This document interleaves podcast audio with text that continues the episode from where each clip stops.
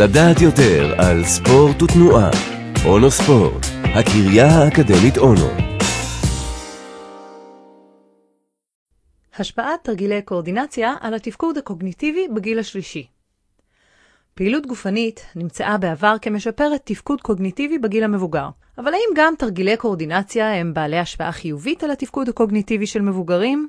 חוקרים מהחוג לרפואה באוניברסיטת הונג קונג פרסמו בשנת 2011 מאמר על כך בכתב העת Clinical Intervention in Aging. בדיקת יעילות תרגילי קואורדינציה לגיל המבוגר חשובה, בעיקר בגלל העובדה שהניידות בגיל הזה לא תמיד מאפשרת ביצוע פעילות גופנית ברמת אינטנסיביות גבוהה.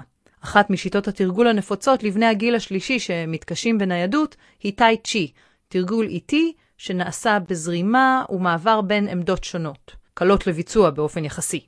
כיוון שגם תרגילי קואורדינציה וגם טאי צ'י קלים יחסית לביצוע, החוקרים ישבו ביניהם. המשתתפים במחקר חולקו לקבוצת טאי צ'י וקבוצת קואורדינציה, והתרגול ארך שמונה שבועות, כשבכל שבוע נערכה פגישה אחת של 40 דקות.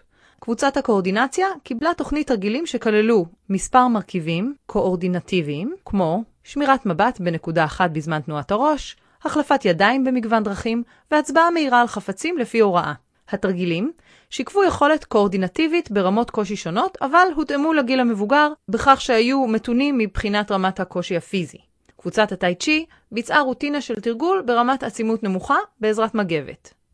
כדי להעריך אם אכן היה שיפור קוגניטיבי, השתמשו החוקרים בשלושה מבדקים. מבדק מיני-מנטל, שידוע כיעיל מאוד בבדיקת שיפור או דעיכה קוגניטיבית, מבדק דמנציה, שבודק כמה פרמטרים חשובים כמו זיכרון, קשב ויוזמה, ומבחן time up and go, שבודק שילוב של יכולת פיזית עם יכולת קוגניטיבית. במבדקי הקוגניציה היה הבדל מובהק בתוצאות לטובת קבוצת הקואורדינציה. קבוצת הטאי צ'י לא הראתה בכלל שיפור במבדק הזה, אבל הקבוצה שתרגלה טאי צ'י הראתה שיפור גדול יותר בכל מדדי התנועה. לאור התוצאות החיוביות של המחקר, חשוב ליישם תרגול של קואורדינציה גם בגיל המבוגר והפחות נייד, לצד פעילות גופנית מתונה.